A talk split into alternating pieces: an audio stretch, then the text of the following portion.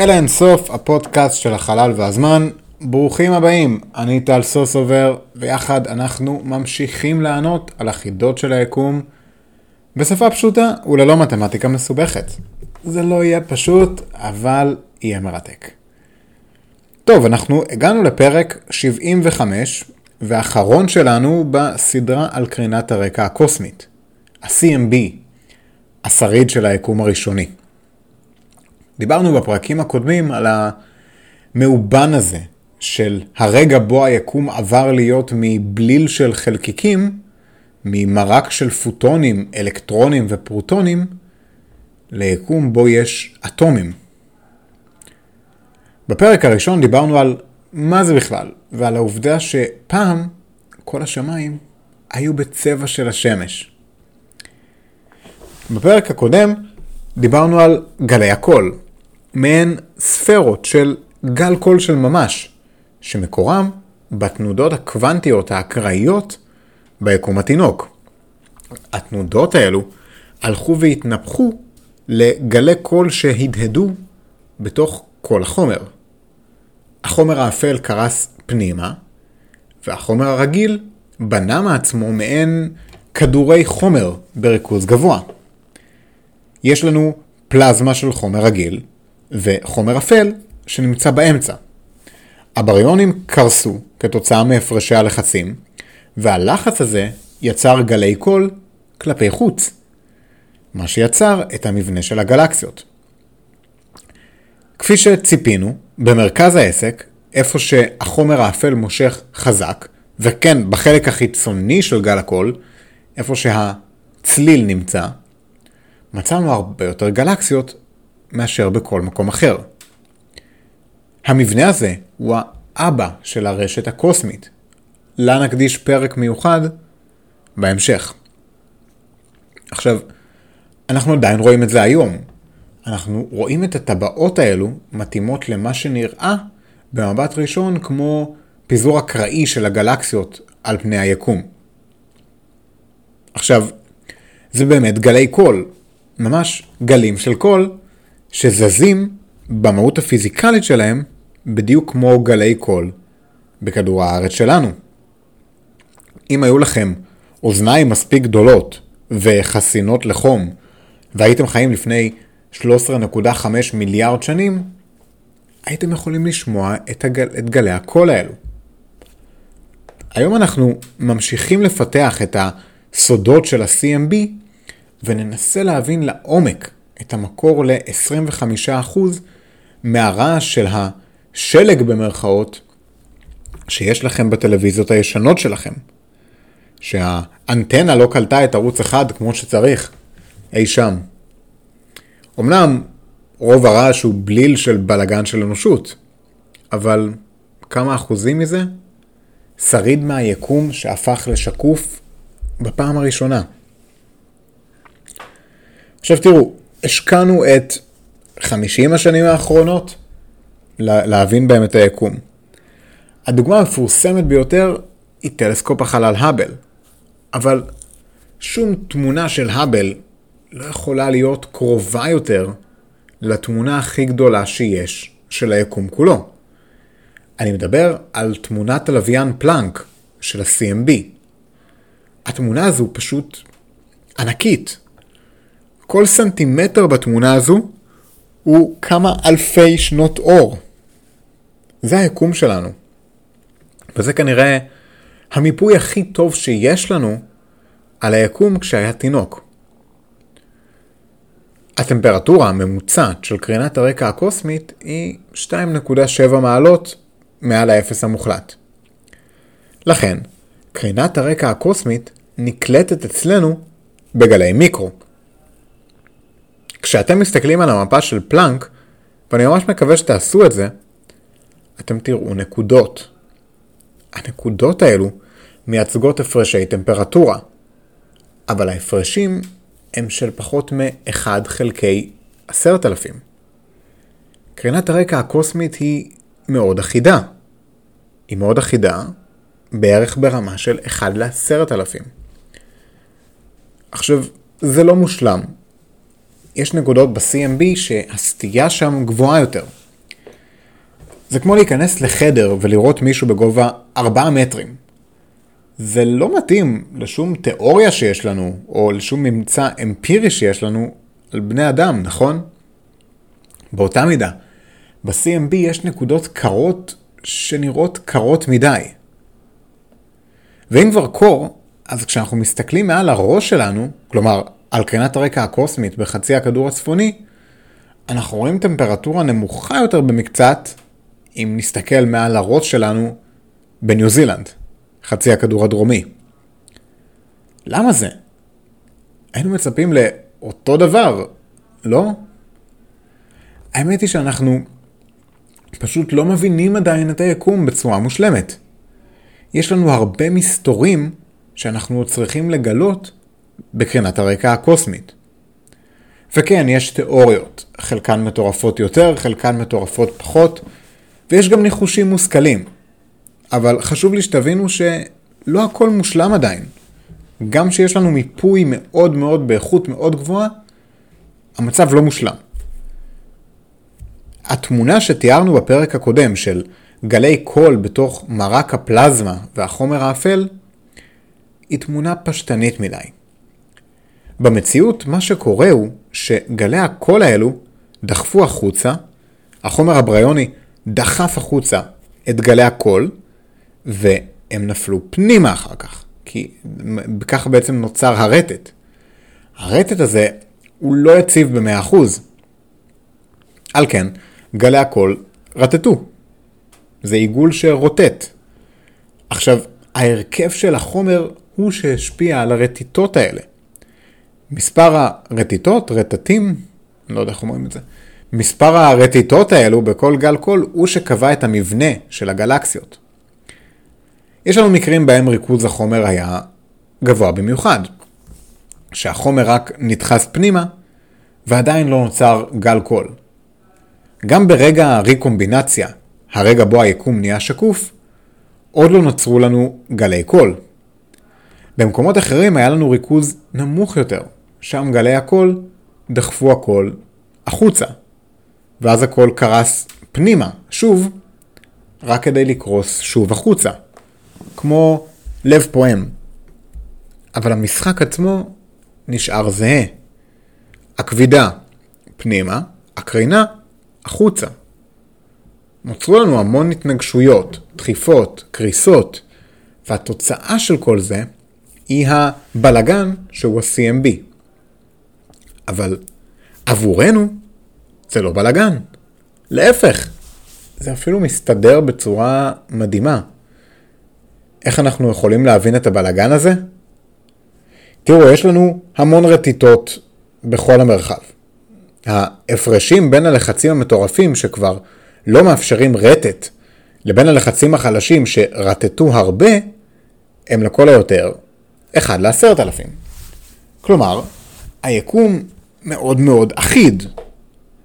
אם ננסה למפות את כל הבועות האלו של גלי הקול, אפשר יהיה לחשב את כל גלי הקול יחד באמצעות סטטיסטיקה ולנסות להבין מה קרה לפני שנת 380 אלף. כלומר, לפני הריקומבינציה.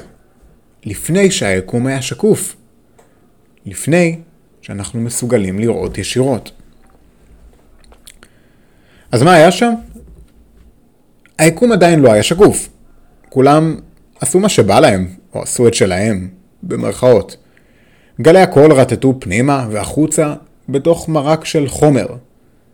רגע הריקומבינציה הוא מעין רגע של freeze, או סטופ, לכל גלי הקול. רוב גלי הקול לא היו בשיא הפעימה שלהם, כלומר, הם לא היו סגורים באפס, אבל הם גם לא היו פתוחים בשיא שלהם. הבועות פעמו החוצה בגלל הקרינה, וקרסו פנימה בגלל הכבידה. הם נדחפו החוצה, הכבידה מושכת, ופוף, נופלים פנימה. הקרינה נדחסת, אז היא דוחפת החוצה. היא נחלשת בגלל הפיזור, ואז הכבידה לוקחת פיקוד, מושכת הכל פנימה. מה שמעניין אותנו זה דווקא מצבי הקיצון, שיא הדחיסות של החומר, החיובי או השלילי.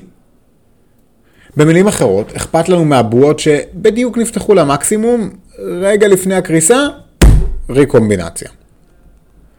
סליחה על הספיקה. או שאכפת לנו מהבועות שהיו סגורות. סגורות לגמרי, באפס. נסו לחשוב על זה כמו לצלם סיר של מים רותחים. המים האלו רתחו 380 אלף שנים, אבל ברגע שאני מצלם אותם, כל בועה בסיר קופאת, בדיוק במצב בו היא נמצאת. אנחנו מתעניינים באזורים בסיר, בהן הבועות בדיוק קרסו, ועוד לא התחילו להיווצר בועות חדשות, או באזורים בסיר בהם יש בועה בשיא הגודל, רגע לפני הקריסה. מקסימום דחיסות ומינימום דחיסות. הנקודות האלו הן הנקודות הקיצוניות ביותר במפת ה-CMB. הנקודות האדומות ביותר והכחולות ביותר. אבל איך נדע אם יש לנו בועה שבדיוק הגיעה לשיא הגודל שלה, או שיש לה עוד לאן לטפוח? איך אנחנו יודעים שהבועה קרסה לשיא הקטן ביותר שלה, ושאין לה עוד לאן לקרוס? או, אנחנו יכולים לעשות קצת חישובים מעניינים. אנחנו יודעים שמהירות הקול בתקופה ההיא הייתה כחצי ממהירות האור, כלומר מהר מאוד. הבועות האלו נעו בקצב אחיד של מחצית ממהירות האור, ללא קשר לשאלה מה הגודל שלהן. זה כמו שתנודות באוויר, צליל, נעים באותו הקצב, במהירות הקול, ללא קשר לשאלה האם מה שייצר את הקול זה זבוב או משאית. אנחנו יכולים למדוד את ההתפשטות של מהירות הקול הזו על פני היקום התינוק. וכך אנחנו יכולים להבדיל בגלים האלו, ולהבין כמה הגלים האלו הפסיקו, הספיקו לנוע לפני הרקומבינציה, כלומר לפני הפריז. אם אנחנו מכפילים את מהירות הקול בגיל היקום ברקומבינציה, זה מראה לנו כמה רחוק גלי הקול יכלו לנוע במצטבר מרגע היווצרותם ועד רגע הרקומבינציה. רגע הרקומבינציה תלוי בעצם בטמפרטורה של כל אזור. אמרנו בפרק הקודם שהרקומבינציה היא לא אירוע של היקום כולו, ביחד, הוא אירוע שתלוי בטמפרטורה. ככל שריכוז החומר היה גבוה יותר, היה חם יותר, לרקומבינציה לקח יותר זמן להקפיא הכל.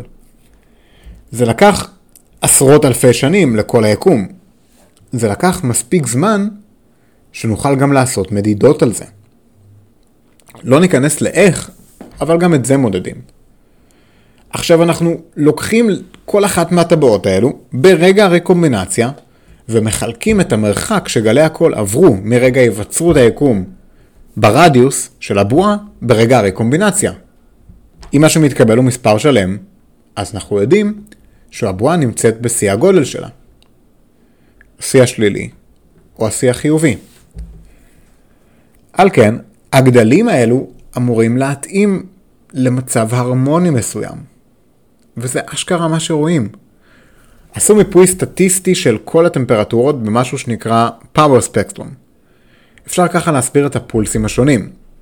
אנחנו יכולים להסתכל על ה-CMB, לראות כל אחת מהנקודות, ולהבין כמה פעמים היא פעמה עד כה, וגם האם היא בשיא שלה כעת. אוקיי, מה ה big deal? למה זה מעניין אותנו כל כך? כי אפשר ללמוד מזה לא פחות מהכל על היקום, או לפחות המון. בואו נסביר. כל אחד מהשיאים האלו של הפעימות מלמד אותנו משהו מאוד ספציפי על היקום. בואו נתחיל עם השיא הראשון. שיא הגודל. אנחנו מסתכלים על בועות בשיא הגודל, בועות שהיה להן זמן לקרוס רק פעם אחת. כפי שאמרנו קודם, כל בועה צריכה להיות בגודל של מהירות האור כפול הזמן שהיה לה לקרוס. 380 אלף שנים, עם פקטור לשליטה בהתפשטות היקום. ככה אנחנו מקבלים בערך חצי מיליון שנות אור בגודל של הבועה הזו. אנחנו מסתכלים על, עם טלסקופ על הבועה הזו, שקרסה רק פעם אחת בגודל של חצי מיליון שנות אור. נוצר לנו משולש, שני קודקודים בצפון ודרום של הבועה, וקודקוד אחד בטלסקופ שלנו בכדור הארץ. עכשיו כמובן זה משולש שבו זווית הבסיס, הזוויות הבסיס הן הרבה הרבה הרבה יותר גדולות מזווית הקודקוד, אבל אנחנו יכולים להשתמש במשולש הזה ובגיאומטריה האוקילידית שלמדתם בתיכון על מנת לחשב את המרחק. אנחנו יודעים את האורך של הבסיס, נכון? אנחנו יודעים את הזוויות, משולש ושוקיים, אפשר לחשב את הגובה. אני לא זוכר איך עושים את זה, כי הייתי מזמן בתיכון, אבל אני בטוח שתיכוניסטים שמקשיבים לנו יוכלו לעזור. שימו לב מה עשיתי פה. הנחתי שאנחנו בבית ספר תיכון, והנחתי שאנחנו עובדים לפי גיאומטריה אוקילידית, גיאומטריה של מרחב שטוח. אנחנו מניחים יקום שטוח בחישובים שלנו. כשאני אומר שטוח, אני מתכוון שזווית המשולשים מסתכמת ל-180 מעלות. פני השטח של כדור הארץ הם ספירה, הם לא שטוחים. אז אם תציירו משולש של הגלובוס, תראו שסכום הזוויות שלו יוצא יותר מ-180, כי הגלובוס הוא ספירה. אז למה אנחנו מניחים שהיקום שטוח? קודם כל יש לנו את התפשטות היקום. יש ריכוזי כבידה שונים שמשפיעים על האור שמגיע אלינו. לכן נראה שהטריק גיאומטרי הפשוט הזה לא מחזיק מעמד. אז מכניסים פה כל מיני תיקונים ושינויים על מנת שהכל יעבוד. ואז עושים את הבחינה הסטטיסטית על כמה אלפי מקרים כאלה. מה התוצאה? התוצאה היא שהיקום שלנו שטוח. היקום שטוח זו אמירה גדולה, וזו אמירה מאוד חשובה. האמירה הזו אומרת לנו מהו סך האנרגיה ביקום. תראו, אנרגיה יוצרת עקמומיות חיובית, כי אנרגיה מושכת. מצד שני, אם היקום היה בלי אנרגיה והיה מתפשט, הייתה לו עקמומיות חיובית כתוצאה מההתפשטות.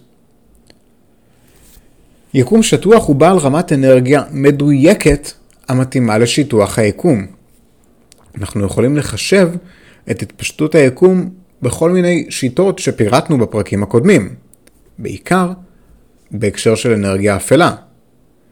בגלל שאנחנו יודעים כמה ההתפשטות הזו אמורה לעקם את הגיאומטריה, אנחנו יודעים כמה אנרגיה צריך על מנת לגרום לה להיות שטוחה בחזרה. על כן, אנחנו יכולים להבין את המסה של סך החומר ביקום. סך החומר הבריוני. המסה של סך הפרוטונים, האלקטרונים והחלקיקים האחרים. אבל גם האנרגיה של החומר, אבל גם את האנרגיה ואת המסה של החומר האפל והאנרגיה האפלה. אנחנו בעצם יכולים למדוד בשיטת המיפוי הזאתי את הכל. וכשעושים את זה ומסתכלים על התוצאות, אנחנו רואים שהחומר הבריוני הוא כחמישה אחוז מכל החומר ביקום. כל שאר מה שיש זה חומר אפל ואנרגיה אפלה. מהבועות הסגורות לחלוטין, אנחנו יכולים למדוד את החומר האפל, או יותר נכון, את היחס בין החומר האפל ליתר החומר. זה לא כל כך פשוט להבין למה, אבל הרעיון הוא שבעשרות אלפי השנים הראשונות של היקום, הקרינה הייתה כל כך חזקה, כל כך אנרגטית, שבזכות E שווה ל-MC בריבוע, היא יצרה כוח משיכה חזק יותר מזה של המסה של החומרים. הקרינה הייתה הכוח ששלט ביקום. כשאנחנו מסתכלים על הבועות הסגורות, אנחנו יכולים לחשב מתי הקרינה הפסידה במרכאות לכבידה של מסה רגילה. בדגש על כבידה של המסה של החומר האפל, שבכלל לא מגיבה לקרינה. מכאן, אנחנו מחשבים כמה חומר אפל יש ביקום. איך? אנחנו מסתכלים על שיא הפעימה. הוא מורכב מסך האנרגיה, סך החומר האפל וסך החומר הרגיל שהיו בנקודה הזו. אנחנו מסתכלים על השיא של הפעימה הבאה, שהוא קטן יותר, והוא נותן לנו רק את הפעימה הקשורה לחומר בריוני, כי בנקודה הזו האנרגיה כבר לא מכתיבה פעימות. אנחנו יכולים לבדוק את היחסים ולגלות שהחומר הרגיל הוא רק כחמישה אחוז מתוך כל מה שיש.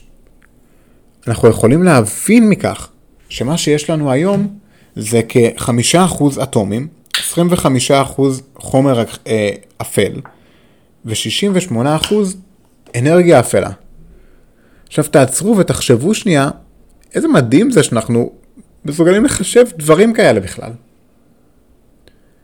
מהנקודה הזו אנחנו לומדים שכ-95% מהיקום שלנו הוא אפל. 95% מהיקום לא עובר שום אינטראקציה עם אור, אנרגיה אפלה או חומר אפל. אין לנו שום דרך ישירה לצפות בו. עכשיו זוהי פיסת מידע סופר חשובה, כי היא מתאימה בדיוק למדידות של החומר האפל מסקרים שעשינו על גלקסיות, והיא מתאימה לכמות האנרגיה האפלה מהמדידה של התפשטות היקום.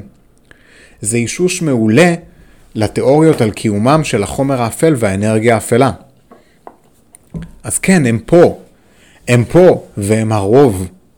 אנחנו, השמש, האוויר, המים, יופיטר.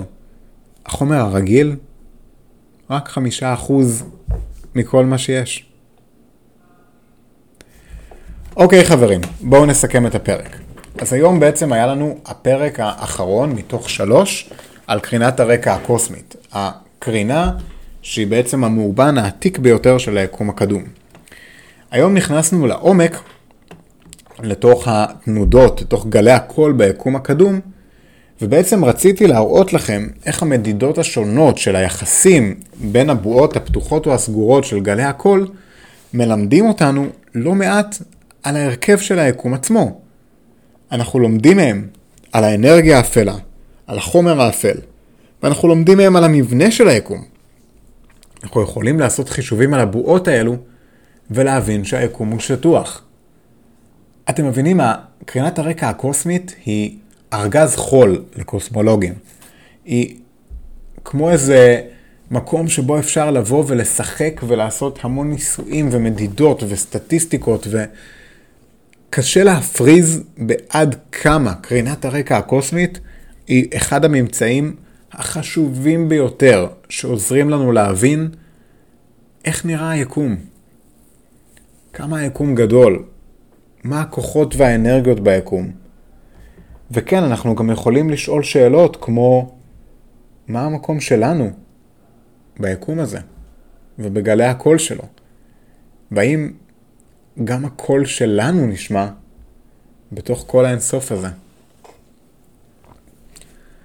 תודה רבה רבה לכם על ההקשבה. הפודקאסטים של אלה אינסוף הם יוזמה שלי להנגשת חקר החלל, קרינת הרקע הקוסמית, קוסמולוגיה, גלי הקול שבקרינת הרקע הקוסמית, לכולן ולכולם, ללא הבדל של גיל, ידע מתמטי או כל הבדל אחר. הסקרנות שייכת לכולנו, ותמיד כיף להיכנס לעומק של נושאים שונים ומשונים, בטח אם בסוף לומדים מהם גם על היקום ועל איך הוא נראה ואיך הוא מתנהג. מוזמנים להיכנס להערות שבעמוד הפרק, יש שם קישור לעמוד הפייסבוק שלנו, מוזמנים להקשיב לנו בכל אתרי הפודקאסטים, כולל זה שאתם כרגע שומעים אותנו דרכו, אנחנו שם ובכולם. מאוד יעזור אם תיכנסו ותיתנו דירוג חמישה כוכבים באפל פודקאסט אה, ובספוטיפיי. בכל מקרה, שתפו את הפרק הזה עם חבר טוב, שתפו אותו עם חברה, שתפו אותו לאורך כל קרינת הרקע הקוסמית, עם כל מי שאתם יכולים, וכמה שיותר. חשוב לי להגיד לכם תודה רבה על ההקשבה. פרק כמו זה לוקח לי באמת כמה עשרות שעות של עבודת מחקר, הכנה, הקלטה ועריכה, ואני מגיש לכם את הפרקים האלו בחינם, ומתוך מטרה שיהיה לכם מעניין ומרתק, ושהדמיון שלכם ככה יוצת ברעיונות שונים ומשונים.